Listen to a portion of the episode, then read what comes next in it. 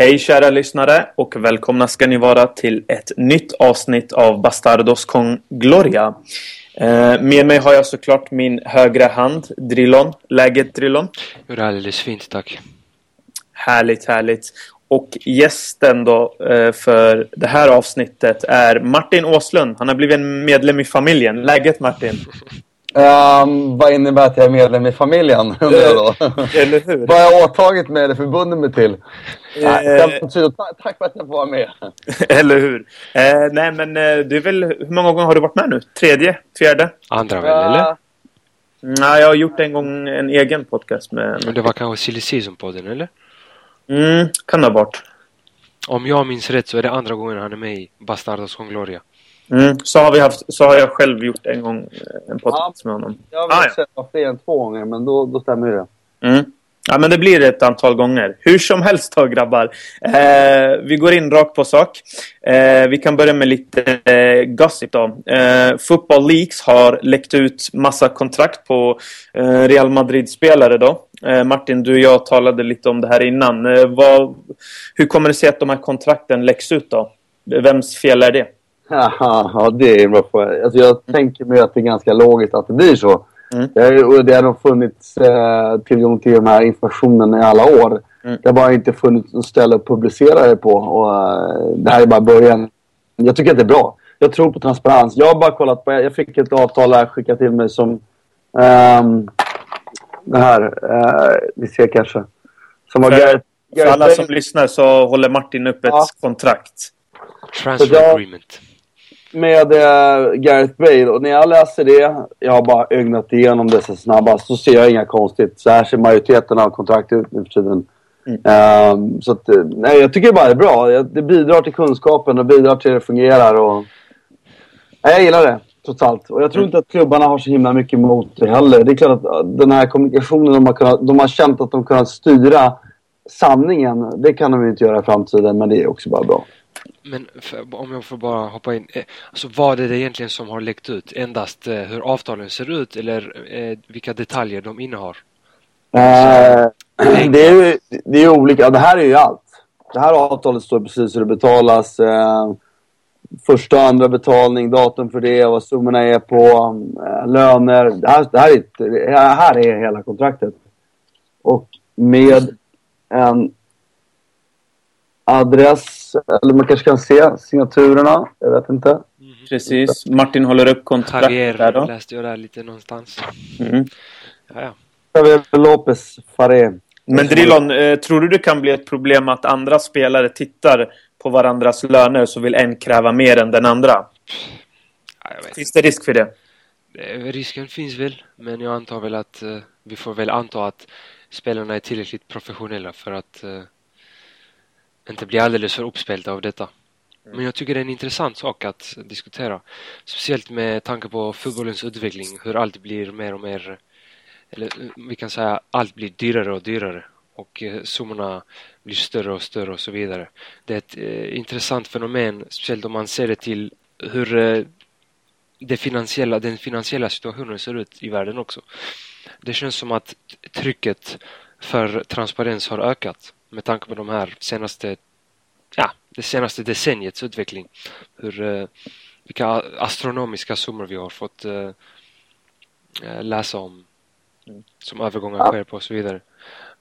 Alltså, Men, vad är, men kommer, funkar det? Kommer detta funka? Kommer vi få se den här trenden öka till oändligheten eller kommer det någon gång krascha? Alltså det känns nästan som att fotbollen lever sin egen finansiella värld men i själva verket är det ju inte möjligt. Så jag tycker Ja, också nej, men det är bra att... ja, förlåt. Ja, men jag ska bara, det är ju bra. Transparensen, trycket på transparens har ökat. Ja, så är det alltid när pengar ökar. Volymen av pengar ökar så ökar trycket på transparens. Men också möjligheterna till det har ökat enormt. Man kan ju publicera saker på ett annat sätt. Jag menar, idag kan ju vem som helst vara sin egen publicist. Så var det ju inte förr. Liksom. Det var ju beroende av en tidning eller en, en, en TV eller vad det nu var. För att få fram saker som vill säga. Så det är en sak. Men sen när du pratar om det med pengar ökar. Det är klart att, att, att priset på pengar rent generellt i världen är väldigt lågt. Det bidrar ju till att priset på rättigheter går upp. Alltså priset, eller pengar i fotbollen ökar. Det är logiskt. Eh, däremot tror inte jag att, alltså, det, och det lever sin egen värld så tillvida, men det är ju, vi har ju en tillväxtmarknad. Vi har bara börjat toucha på, på Kina. Eh, vad händer när Sydamerika blir rikare? Vad händer? Alltså, jag tror inte, och Afrika, det måste ju, det är ett land, det är en kontinent som man har väntat på väldigt länge. Det ju, när det kom fram i 90-talet så trodde man att det skulle gå fortare än vad det har gjort. Eller jag trodde i alla fall, kanske naivt nog. Men eh, det här är bara början tror jag ändå. Så fotbollen, tillväxten i Europa på egen inhemsk marknad, ja, där kanske vi börjar se liksom lite tak eller någon tendens till tak. Men eftersom pengarna bara flyter in i övriga delar av världen så det här, jag tror bara att det här är bara början på fotbollen totalt. Liksom. Mm. Och det är klart att det, det rinner alltid neråt. Så att även om Sverige har svårt att sälja sina rättigheter för en miljard så på något sätt kommer pengarna som kommer från transfers i Kina och allting, det rinner neråt så pengarna blir större. Så att när jag, min pappa var 20 år och skrev sitt första kontrakt i Allsvenskan mot när jag skrev mitt när jag var 20 år och eventuellt mina barn eller de, hans, deras generation skriver det så kommer pengarna öka lika mycket igen tror jag. Så att, eh, pengarna ökar och det är bara en del av det. Jag är bara bra att det kommer transparens kommer in eh, för det, det, är, det finns bara godo av att transparens kommer in. Jag ser inget problem med att det här kommer ut. Jag ser heller inget problem. Ja, det spelare kommer gnälla. En del spelare kommer gnälla om det, så är det ju. Men eh, i slutändan så sitter klubbarna med, till skillnad från eh, massmedierna, och det är också det som är sportintressant och som är attraktiv. Du kan idag streama allt annat. Du kan göra egna livesändningar på Periscope med allting. Men än så länge så är det inget som kan ersätta att publicera en fotbollsmatch mellan River Plate, Boca Juniors. Där är publiceringsrätten sitter i, den, i de varumärkena. Och så länge den, den, den passionen finns kvar kring, kring klubbarna och ägs av klubbarna och ägs av fansen, för det gör det ju i slutändan, mm. så, så är fotboll, då, då är det bara bra allt det här som händer tycker jag. Intressanta diskussioner grabbar. Eh, vi ska väl återkomma till det förhoppningsvis. Eh, vi går in lite mer på matchen då. Eh, eller på, mer på fotbollen då, eh, mm. så att säga. Det är ju lite fotboll det med, men själva matchen måste vi också ja, prata lite om. Drillon, hur tycker du det har sett till, hur, hur, tycker du har sett hittills ut under eh, Zidane? Vad kan förbättras? Man har haft svårt på bortaplan då. Hur kommer det sig att man har haft svårt på bortaplan? Ja, det är en bra fråga egentligen och det har vi sett eh, innan Zidane också. Det är under hela säsongen. Eh, Precis. Som, fram till Granada-matchen, om jag inte har helt fel, så var det nästan hälften av matcherna som innebar poängtapp. Vad exakt det beror på, det kan man ju egentligen prata om ett helt avsnitt men motivation, organisation, ja. Jag ska inte gå djupt in på det men eh, under Zidane har det sett eh, blandat ut. Inledningen, det var lite eufori. Det syntes även hos, även hos spelarna att eh, det var någon slags, ek, ek, man taggade till lite. Det har sjunkit lite och vi har fått se även några dalar mot Betis. Speciellt försvarsspelet. Mm. Eh, många delar. Även eh, det slarviga anfallsspelet Eh, pressspelet, kollektiven. Det finns, eh, det är ju långt ifrån ett färdigt lag. Eller ett färdigt bygge som Zidane har här utan får... Och det är normalt. Ja, det är såklart. Och det, vi återkommer till det vi har snackat om tusen gånger den här säsongen. Att detta är grunden för någonting som komma skall, något långsiktigt. Men eh, det ser ju inte förfärligt ut. Det ser ju ganska bra ut. Det finns många positiva saker. Jag har sagt tidigare, jag gillar återgången till ett 4-3-3. Att Isco är tillbaka som en viktig kugge i laget, vilket jag tycker han ska vara. Mm. Han har uh, riktigt goda egenskaper. För att knyta an, ihop anfall och mittfält och så vidare. Absolut. Vilken har varit, eh, som, jag har sett, eh, inte alla de här eh, sex matcherna, men jag har sett delar av nästan alla, jag har sett vissa hela. Mm. Vilka tycker ni har varit den bästa spelmässiga insatsen? För jag tycker till skillnad i början, när de här två första var det så Depor och Sporting, så var det ju matcher där man gjorde massa mål, men man släppte också till ovanligt mycket målchans tycker jag, för att vara helt nöjd. Jag skulle inte varit så nöjd. Jag tycker till exempel, det jag, såg, jag såg inte hela matchen i helgen, men det jag såg såg riktigt bra ut tycker jag. Men jag kanske har fel där. Ni, ni, får... Nej men jag, jag var också inne på det och vi, i vår chatt på Facebook som vi har i redaktionen så sa jag just det att vi ser riktigt vassa ut men Deportivo kommer till lite för många chanser tycker jag. Speciellt centralt mm. framför backlinjen. Det läcker lite där. Det känns som att uh, mittfältet och vi, kommer diskutera även mer att det inte bara är mittfältet men att man inte riktigt är synkade i det i försvarsspelet. Att man inte riktigt har koll på vem som ska pressa när och hur. Men det är inte bara mittfältet utan även anfallsspelarna måste pressa. För att det ska fungera. Ja, och ibland, ibland tycker jag att eh, topptrion där uppe är lite för lat i sin press och det exponerar mittfältet för mycket. För alltså det är trots allt ett tremanna mittfält och du har två ytterbackar och ett mittfält emot dig och Det är ett offensivt lag utan ja, Definitivt. Alltså, det är inte så svårt att isolera ett tremanna mittfält. Såvida inte de är riktigt skickliga defensivt. Såvida inte alla är Makelele eller något sånt. Eller Kanté. Precis, Kanté. Ja raketen där va? Mm. På mittfältet. Absolut. Nej, men eh, jag tycker också som er då, att det, man har sett vissa förbättringar under sidan men det finns en hel del att, att förbättra. Och så som jag har sagt väldigt mycket, det är, det är ju det här med att kan sidan lägga en, en grund, en, ident, en identitet för klubben? Det, det är en bra fråga. Alltså jag menar, Simeone, om du tittar på hans Atletico. Det spelar ingen roll vilka upplagor det kommer vara under Simeone. Du kommer ändå förknippa Atletico Madrid med ett lag som där alla springer ett hårt jobbande lag. Det kan vara vem som helst på, på planen. Mm. På samma sätt så får man ju hoppas att Zidane kan göra något liknande. Men det är en bra fråga. En, en, annan sak som ju kan vara en ren tillfällighet är att vi har fått se lite många in, individuella misstag de senaste matcherna. Mm. Det är ett intressant fenomen som vi helst eh, ska slippa väldigt eh, snart. Vi såg Varann, ja, Varann senast exempelvis gjorde en... Mm, mängden eh, defensiva fel är lite för många, det kan man med om. Men samtidigt så, så kommer det alltid göras. Det man tänker på som jag borde vara, skulle vara orolig för, inte mot Roma, men kanske mot... Eh, eller man ska inte räkna mot Roma helt, men nej, nej, nej. definitivt mot bättre lag. Det är att jag ser ju typ bara att ni har, ni har två riktiga försvarsspelare på plan. Eh, match efter match. Som är, verkligen är utpräglade försvarsspelare. Och en av dem är Ramos som är gudomlig ibland men också gör hårresande liksom, chansningar. Så det är ett väldigt, väldigt... Jag tror att det är världens mest offensivt balanserade fotbollslag. Till och med mer offensivt balanserade än Barcelona. Och det, det ser jag som ett problem när ni ska möta bättre lag som Bayern München eventuellt. Kanske om Juventus är bra och kan spela som de gjorde. Sin defensiv funkar. Barcelona definitivt. Uh, ja, Atletico Madrid, du nämner det själv. Ni är beroende av att vara väldigt bra offensivt. Men ska vi prata om den här matchen så tror jag att uh, ett Roma som inte heller funkar riktigt defensivt, de kommer inte klara av att hantera er offensivt. Så att, uh, jag ser med spänning fram emot eh, de här två matcherna. Det kommer bli lite jämnare på Olympiastadion. Mm. Såklart. Det, så, jag tror att ni kommer välja lite försiktigare spel ändå.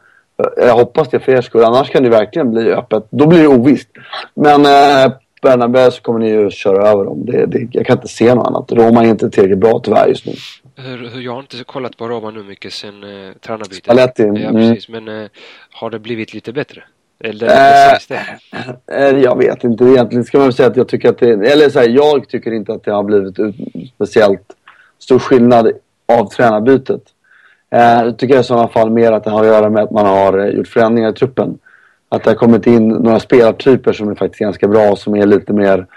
Jag gillar ju El Sharawi. Nu får vi se. Han har gjort så här tidigare. Varit jävligt bra några matcher för att sen sjunka helt genom isen. Så att... Eh, vi får se vad det landar i. Jag gillar Perotti. En jättefin spelare. Eh, och Salah, med de spelare som kommer in så får man ut mer av honom. Men fortfarande så tror jag att det är ett lag som eh, rimligtvis borde få riktigt, riktigt svårt mot ett eh, Real Madrid när man inte...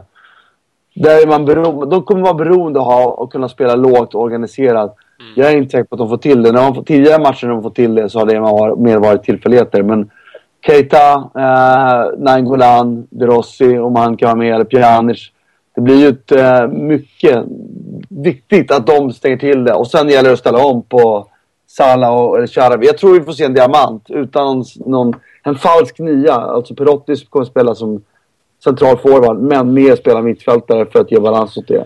Och så kommer vi få se omställningar på Sharawi och Salah. Det, det är deras chans. Men Spalletti är väl i grunden ändå en mer defensiv tränare än Rudi Garcia, va? Eller hur? Ja, jag vet inte. Alltså, jag, jag tycker Spalletti gjorde sig mest känd som en tränare som attackerade ganska mycket. Och okay. Jag tyckte ofta han hade problem med balansen. Och inte minst mot bättre lag i Europa. Jag menar, de 7-0, 7-1 United och det var ju många sådana matcher där det bara blev öppet. Men det är klart, eh, det behövdes ett tränarbyte och bara det, truppen är egentligen bättre än att ligga fyra eller vad de nu gör i tabellen. Så att det, det finns ju kvalitet och omställningsspelarna, Salah och Sharawi, är ju bra. Det vill säga de är ju snabba bägge två. När ytorna blir stora är de ju till och med riktigt bra. Det finns ju möjlighet att tro att de kan bli stora mot det. Alltså om det är någonting som talar för Spalletti, är det väl, eller och Roma, är att han är italienare och att han tränar italienskt lag. Något Real Madrid historiskt sett har jävligt svårt för i Champions League. Det är väl egentligen det, att det finns någon slags uh, gyllene faktor där. ja, det spelar, in, det spelar nästan inte roll det spelar nästan ingen roll hur dåliga italienska lag ja. har varit. De har all, vi har alltid haft svårt mot just italienska lag.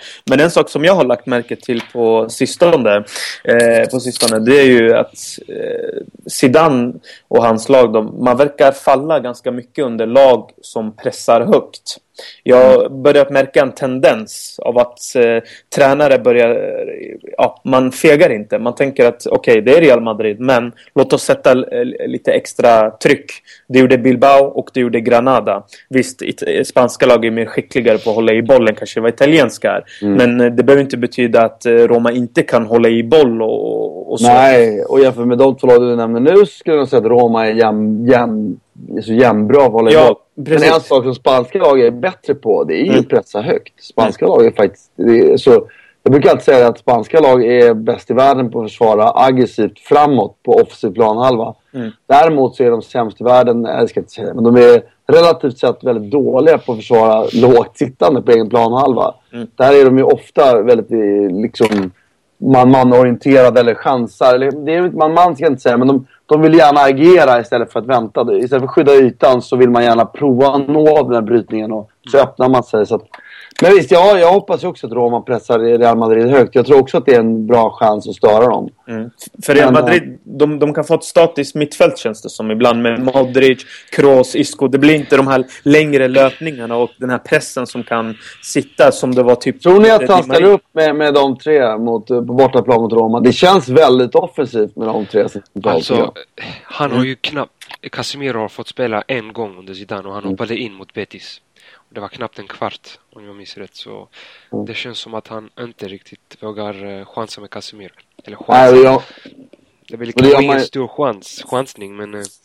Mm. Nej men jag tänkte så här, en sån här match. Nu vet inte jag vad status är på Pepe eller så här, om Ramos ska spela centralt mittfältet. Uh... Eller är jag väldigt italiensk när jag tänker så då? Nej, jag tror inte det blir många förändringar. Men ett problem Nej. jag tycker, jag vet inte nu om du kanske Åslund har en annan eh, Eh, Eh, filosofi. Det, det, som gör att Real Madrid blir så lätt eh, pressat, om man kan säga så, är att jag tycker det är för dålig rörelse i, anfalls, i, vid anfallstrion. När eh, Modric, Kroos och Isco, som alla tre är riktigt skickliga med boll och även bra Alltså de kan passa riktigt bra. Isco och Modric är riktigt bra i små ytor och eh, lösa sådana tilltrasslade situationer. Det jag tycker är att Benzema, Ronaldo och James eller Bale blir ofta alldeles för stillastående och bolltittande i fasen där uppe. Mm. Jag, jag saknar att någon möter upp och eh, avlastar så att man kan slå en, en eh, vertikal passning. På så sätt spela sig förbi pressen. Det, det saknar ja, jag Men ja, absolut. Om jag, om jag tror att jag tolkar det rätt så menar du att, att i, i, i perioder när de blir pressade högt. När de inte får, för de här tre forwards, eller man säger de här offensiva spelarna. Eh, de är absolut för lite delaktiga när laget behöver det. Det, det är skillnad mot Barcelona. Där Precis. Speciellt Messi, Suarez Messi. Ja, och Messi, även Messi, om du behöver lösa, lösa upp någonting kring mittplan så finns Messi spelbar. Där är inte ehm, Ronaldo så aktiv. Men jag tycker att James är bättre än Bale och eh, det tycker jag han är bäst av dem. Han är mest lik någon som deltar i, i de uppbyggnadsspelen. Jag tycker dock att Benzema har någonting som han utnyttjar för dåligt. Honom skulle de ju kunna slänga upp bollen till lite längre om de ville. Han är ju stark nog att hålla i den, han är stark nog att gå bakom. Men det är ju det här, då har vi något, det är inte Real Madrid. De kommer att prova att spela sig ur situationerna. Så att, eh, ja, jag, jag håller med om att, eh, och Ronaldo är ju definitivt en spelare som bidrar för, för lite i spelet, det tycker jag. Han är ju väldigt inaktiv i alla delar utav sista tredjedelen. Där är han å andra sidan väldigt aktiv, men man skulle önska att han i perioder när Real Madrid inte får igång sitt spel var den som droppade ner, gav något alternativ till, löste upp någonting, såg till att den han gav bollen till hade tid på sig, kunde börja spela en eh, rättvänd passning framåt. Sånt som Messi är faktiskt jävligt bra på, som folk inte alltid tänker på. I synnerhet när han spelar med Argentina. Så här, när det blir trångt så kommer han ner, han är spelbar, håller i bollen, tar emot den under press. När han släpper den ifrån sig till någon, den spelaren har tid på sig. Och det är jävligt viktigt. Där tycker jag Ronaldo borde bidra mer. Och det håller jag med alla de tre är. Och även när Bale och den spelar är, det är för lite med det. Det är också fungerat bättre tycker jag när Isco börjar spela på kanten då. För han kommer ju ner och gör det. Det är ju en sån variant som man lekt med tanken med några gånger. Om jag hade funderat på Real Madrid så skulle jag tänka på att spela eh, med, med två forwards Real Madrid. Lite, lite isär. Lite som jag tror Roma kommer att spela nu. Mm. Eh, och spela med, med en falsk nia liksom i form av Isco eller någon. Som man fick igång centrala mittfältspelet ännu bättre utifall man blev satt under press. Typ mot Barcelona. Men äm, ja, det, det, tror jag inte man gör den här matchen. Jag tror heller inte... Jag tror att de kommer att spela sur Romas press om, om Roma pressar ut. Om, eh, Martin, får jag bara fråga. Eh, Roma, du har ju tittat på en hel del Roma-matcher. Jag har sett några Roma-matcher. Eh, mm.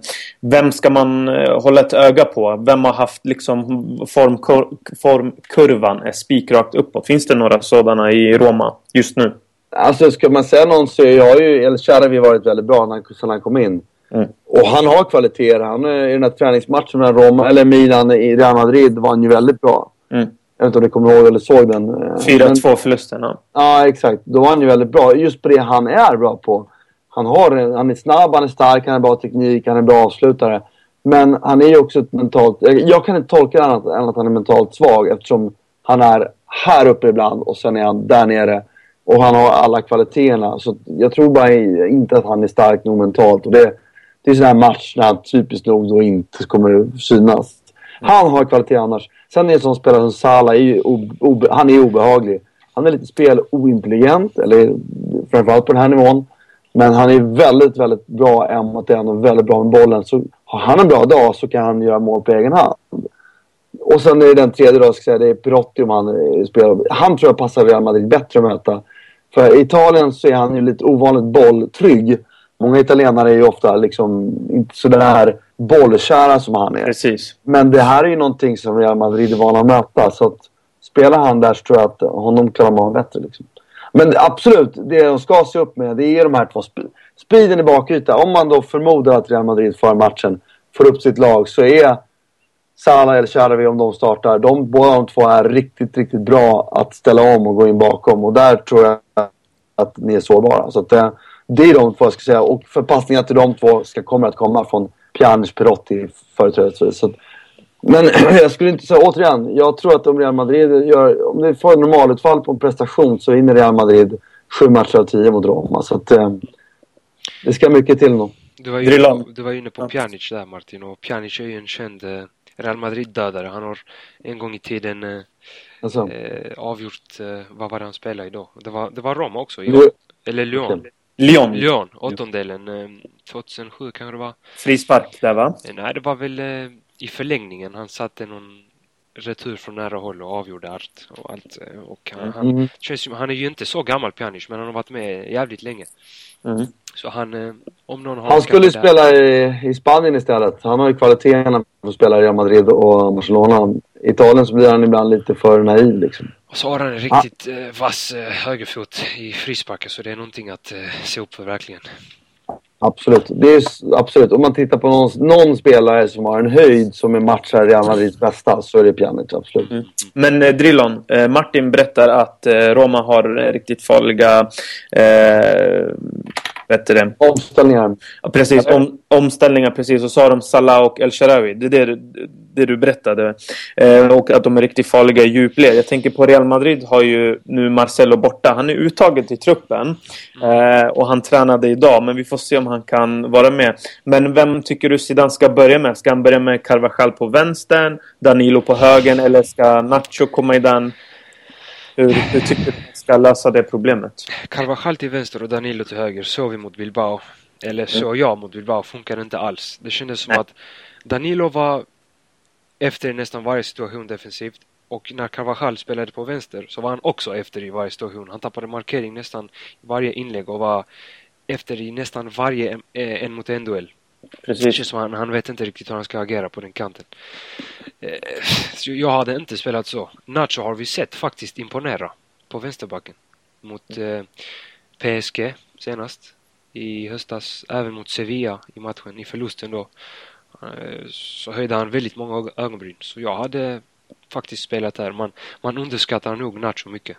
Mm. Nacho på, Ah, ah, vänster, på vänster. Det är ingen eh, snabb dribbler, men han är ju välbalanserad och kan passa boll och så vidare. Och kan eh, överraska. I alla fall Det på låter förnuft... Exakt, det låter förnuftigt bortaplan. på bortaplan. Mm. Precis. Mm. Men eh, Martin. Eh, vad, tror du, vad tror du då på för resultat? Vem vinner matchen och varför?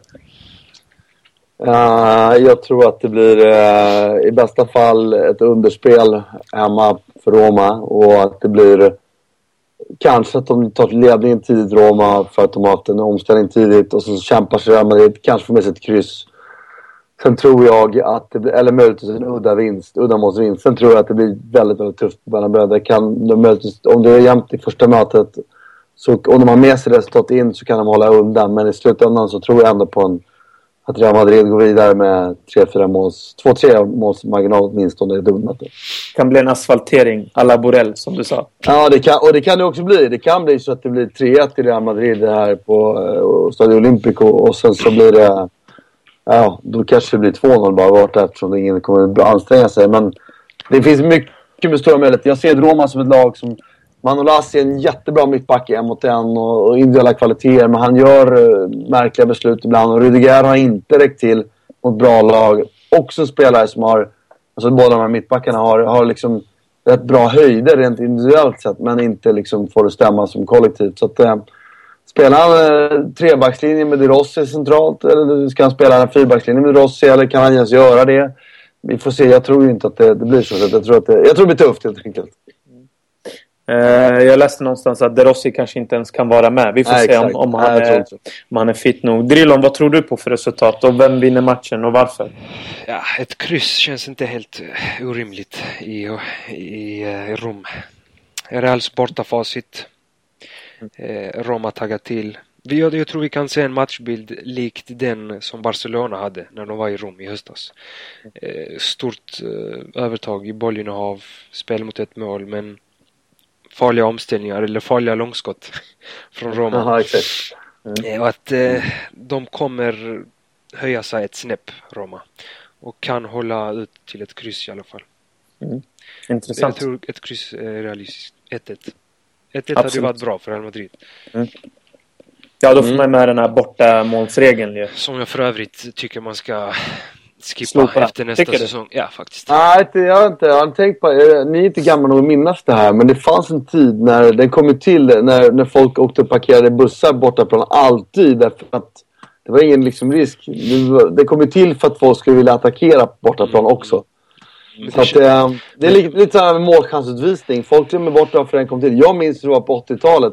Så fort någon var fri så bara svepte de med. Ja, så var det ett gult kort och så var det inget straff jämförelsevis mot ett mål. Så att det fanns anledning till de här reglerna. Folk glömmer lätt bort det. Jag förstår att ni kanske inte kommer ihåg det. Men, men eh, ja, jag förstår problematiken med det. Av- Mellan två dåliga saker så väljer jag nog ändå fortfarande att belöna ett, ett, ett attackerande bortalag.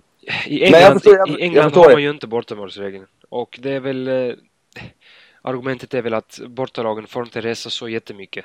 Det är inga långa sträckor och det... Sen det är, sen är det britter också med deras attityd till allting. Det är Men jag- jag sa det och kör liksom. sa det häromdagen, om det är någonting brittisk fotboll ligger före med så är det avsaknaden av bortamålsregeln, tycker jag. Lite cyniskt sagt kanske där, men eh, alltså det, regeln infördes så vitt jag vet ju just på grund av detta. Det var långa sträckor, eh, lite krävande för bortalagen att eh, eh, åka så långa sträckor och trötthet och så vidare och så parkerar man bussen. Men idag är det ju inte så relevant när det tar, alltså i alla fall i Europa, vad kan maxresan vara? Tre, fyra timmar, om ens det. Ja, Max, exakt. Ja. Och de reser flera Det- dagar i förväg så att ja, nej Det är ju absolut. nästan som att spela eh, i samma land. Så Ja. Det känns inte som att den riktigt är lika relevant idag, bortamålsregeln. Nej, det, men det kan, det kan jag hålla med om. Absolut. Sen sagt, jag, jag, ehm, jag vet inte om det finns statistik på det här, men hur många matcher avgörs i verkligheten på den regeln? Det är väl rätt få egentligen. Så att, eh, men och, eh, absolut. Mm, mm. Jag är fotbollskonservativ och det är, det är bra att vara. Jag är ofta det också, men det känns som att här kan jag... Ja, men det är bra. Man ska alltid lyssna och diskutera. Mm. Martin, eh, jag har två frågor till dig här innan vi avslutar. Eh, ganska stora frågor, men eh, det är alltid intressant för vi Real Madrid-fans, vi vill höra det här. Mm. Eh, det har varit mycket diskussioner, det är mycket diskussioner på Svenska fansforumet, eh, överallt egentligen. Eh, vad tror du är de främsta anledningarna? Alltså du behöver inte dra ut på det hur mycket som helst. Det går att göra men mm. varför har inte Real Madrid lyckats så bra under de här tio åren som det har gått bra för Barca? Det är en stor fråga, jag vet. Ja men absolut. Jag kan inte ge ett så initierat svar. Men Nej. Det finns en person som har övergripande ansvar som inte har, har presterat trots att han har eh, lyft, han har lyft klubbens omsättning till astronomiska nivåer. Uh, men har inte lyckats hitta en sportslig ledning och det, som fungerar. Och där kan det ju bara vara ytterst, om man ser det stora, så är det Florentino Perez som inte är en president, någon ledare här. Sen huruvida han har bundit upp klubben i skulder som inte gör att ingen kan ta över, det vet inte jag. Det sägs ju det. Men det hade varit önskvärt eftersom han är en jätteduktig affärsman. Han har lyft klubben som sagt. Alltså utnyttjat varumärket och byggt upp ett varumärke och en grund. Men sportsligt sett har han inte fått till det och då måste det falla på honom. Tycker jag. Ja, jag håller ju delvis med. Men man... man Nej, men jag får gärna ge mig en annan bild. Jag är inte så insatt i det. Alltså man kan ju också ställa sig frågan, hur kan Barca vara så bra? Och hur... Om vi bara jämför Real Madrid och Barca får man inte en helt tydlig bild. För Barca ju, har ju varit bäst, inte bara i Spanien, utan i Europa egentligen. Hur kan det komma sig att inget annat europeiskt lag har ens eh, kommit nära den nivån Barcelona har haft. Så, för det är ju inte bara Real Madrid. Real Madrid har ju trots allt varit ganska bra. Men för mig är det inte heller någon slump att Barca är där de är. Ja, alltså... Eller? Både och. Ja, både och. Ja. För att vi vet ju att Barcelona har kört med samma ideologi i flera decennier. Men det är först nu i mitten av 2000-talet som det egentligen har uh, nått framgång. Mm. Vid, vid millennieskiftet så var ju Barca ganska mediokra med, med sitt uh, holländska lag och så vidare. De har haft väldigt uh, de har haft några väldigt uh, låga så här nivåer. Så det, frågan man kan, kanske ska ställa sig är hur kan Barca vara så bra? Nej, och det är, det är relevant och det gör ju också här att det sätter ju också att Frontin Perez kanske gjorde allting rätt men det, du, det som man också funderar på som Barca-supporter är ju att jag har ju följt dem också under alla år. Är det en förfining av spelidén eller spelarutvecklingen? För spelidén i Barcelona är väldigt, väldigt enkel. Yeah. Den, är, den är en av de enklaste av alla att lära sig. Men den bygger ju på en teknisk nivå, en individuell skicklighet som är det svåra. Och kanske har de lyckats förfina utbildningen till det. Men man kan också ställa frågan om, inte, om det inte sammanfaller med en kull av individer som har varit på en väldigt bra nivå.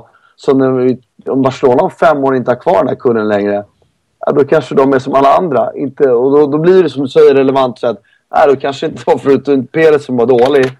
Utan det var kanske bara att han råkade sammanfalla en tid där Barcelona var astronomiskt bra. Så att, ja, visst, jag köper det. Alltså för vi har ju ett annat, annat exempel. Arsenal har ju också kört med samma filosofi känns det som i väldigt många år med samma tränare, samma värvningspolicy. Men Arsenal har ju inte nått framgång. De har inte vunnit ligatiteln på 12 år. Ja, det är ju inte filosofin i sig som jag tror Real Madrid ska kopiera. Utan om jag fick säga så utifrån. Jag kan tycka att det inte har funnits någon struktur i, i hur, vad man värvar, hur man värvar. Jag tycker konstant att Real Madrid är för offensivt balanserade. Jag tycker truppen är det nu igen. Här sitter vi och pratar om alternativ till Kroos, Modric, eh, Isco, Kovacic på mittfältet. Casemiro. Men kom igen. Har man köpt spelare världsklass på alla andra positioner. Ska man inte kunna ha en, en världsklass defensiv mittfältare att använda då? Det är ju här som ja, jag men... menar. Då tycker jag att det, det faller ju någonstans ändå på Florentino Perez. Men det var ju någon, där... det var ju någon agent som sa ju att eh, både Perez och eh, Berlusconi, de mm. älskar ju nummer 10 de, ja. de, de, har inte någon känsla för, för, för, för defensiva fotbollsspelare. Och det, det, har man sett på Florentino Perez. Och jag, jag är mer inne på den, eh, på den biten. Visst, Barca har varit hur bra som helst. Inget annat lag i Europa har lyckats mäta sig med dem. Men har Real Madrid gjort något vettigt då, eller de har gjort mycket vettigt, men har, kunde de inte varit vettigare för att kunna ändå hålla någon nivå med Barca? I alla fall, jag vet inte, ta, jag menar en ligatit, eh, två ligatitlar på tio år och då spenderat över 10 miljarder. Garanterat. Jag tycker det. Mm. Ja, alltså jag, jag Alltså, det ju- borde ha gett mer. Jag tycker också det, men jag tycker det ändå, alltså man har ju tänkt så mycket på detta nu att jag har nästan börjat, detta kom lite nu här, lite spontant, och ställa sig frågan hur kan Barca vara så bra? Men jag håller med att man måste ändra lite på mentaliteten, eh, tänka mer långsiktigt. Alltså, Ja. För det, det, vi hade ändå en positiv känsla under Ancelotti och sen kom sommaren och vi fick Benitez. Och där gick allt, eh, där kraschade allt. Det Ja. var stora depressionen. Jag menar, tre tränare på ett år. Hur kan det vara... Det, det, du får, det är omöjligt att skapa en harmoni eller någon slags Ja, det, är väldigt balans. svårt, det är väldigt svårt i alla fall. Ja, det är, Omöjligt ska man aldrig säga, men jag håller med. Det är inte bara det är tre tränare, det är tre tränare som är helt olika kan man ju säga. Eller Ja. två tränare som är helt olika i sin stil om vi jämför Ancelotti och Benitez. För Zidane kan vi inte riktigt säga någonting om än. Och så har det varit hela tiden att det Det finns jag ingen sett av Zidane hittills är det ju ganska mycket mer det som är Real Madrid för mig. Att det är Ja. offensivt utan bara baljan, massa målchanser åt alla håll och så, så oftast med Real Madrid som vinnare. Men Zidane är väl, eh, man kan väl säga att han tillhör Ancelotti-skolan. Han har ju varit med Ancelotti ett år, i 2014 tillsammans. Hoppas han är bättre taktiskt än vad Ancelotti verkar, verkar vara. Ja, mm, ja det, det är någonting att diskutera. Men eh, Martin, tycker du inte ändå att Ancelotti är en av tidernas bästa tränare? Jo, alltså, men jag tror inte att taktiken är hans stora styrka. Jag Nej, det är den absolut inte. är det man manage, managing då i så fall? Eller? Ja, och individer. Och han är såklart bra taktiskt sett. Men det är inte den framträdande egenskapen. Utan jag tror att sättet att få människor att fungera och dra tillsammans och världsstjärnor att dra tillsammans och kombinerat. Alltså han är ju taktiskt skicklig men nu jämför jag honom med kanske med andra, andra tränare. Men ja, ja, absolut. Det är klart att han är det. Jag tycker dessutom att han är väldigt sympatisk och alla som har haft honom pratar så väl om honom. Så för mig är han ju större än Mourinho. Men Eh, det, Mourinho har ju vunnit med fler klubbar kanske, jag vet inte. Jag tror, jag ser med spänning fram emot, vilket ni kanske vill höra, med Luis Enrique. För till skillnad från alla andra så sa jag att i Roma gjorde han fan ett bra jobb. Och jag sa redan då, det här kommer bli en bra tränare. Jag är övertygad om sättet han har varit det. Och sa jag, du faktiskt. Man såg det Ja. redan i Celta Vigo, de tendenserna. ja, exakt. Och, då, och, efter, och efter Roma kommer han till sätta Viggo. Det- eh, Exakt. Så att jag, eh, jag, jag tror att vi har... Var det en- inte tvärtom? Nej, han var Var Roma i... först eller? Roma Okej, först, okej, exakt. okej.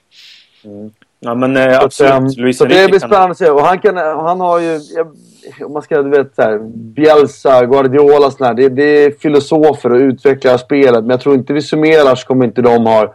Kan inte de vinna överallt på samma sätt. Men Simeone, Mourinho, Ancelotti, Ancelotti på ett annat sätt. Men eh, Luis Enrique, det är vinnare på ett annat sätt tycker jag. Det, det fascinerar mig också. Men vi kan, vi kan säga så här, vi kan avsluta den här frågan sammanfattningsvis och säga att det är många faktorer som, som avgör varför det inte har gått så bra. Men det har inte hjälpt så som Real Madrid kanske har agerat under de här åren. Om man säger så. Nej, nej och det är exakt. Det tycker jag är en bra summering. Sista frågan då grabbar. Hoppas, hoppas ni inte löser det. Eh, det där hörde inte lyssnarna. Nej. Eh, Martin sa att eh, han hoppas att det löser sig. Bara, bara ni kommer två bakom Barca så är det lugnt. Sista frågan grabbar. Martin, kan Real Madrid vinna Champions League i år? Absolut. Den höjden med spelare man har så är man en av de lag som... Alltså man kan aldrig räkna ut Real Madrid. Real Madrid kan slå alla lag, vilken dag som helst. Eh, Drillon? Ja. Medan du själv brukar säga att offensiv vinner där matcher, defensiven vinner där titlar. Men eh, Champions Jag League... älskar det uttalet. Ja, Champions League är Det är ju väldigt italienskt att säga så. Det där tror jag stämmer mer, passar mer till ligafotboll där du har en mer långsam, ett kontinuerligt långsamt test vecka in vecka ut. Medan CL har lite mer att göra med dagsform och tillfälligheter och där kan man nog leva, kanske, eh, lite längre på en bra offensiv. Mm, faktiskt. Så är det. Så är det. Bra grabbar, fick vi med till. det mesta va? Mm. Bra. Eh, då får jag tacka kära lyssnare för att ni lyssnade den här gången. Eh, följ oss på Twitter, följ Martin på Twitter, Drillon. Eh, på återseende. Och lycka till. Tack så mycket. Tack. Detsamma. Ja, bra. Ja. Tack för att du var med. Ha det bra. Hej. Ciao. Ciao.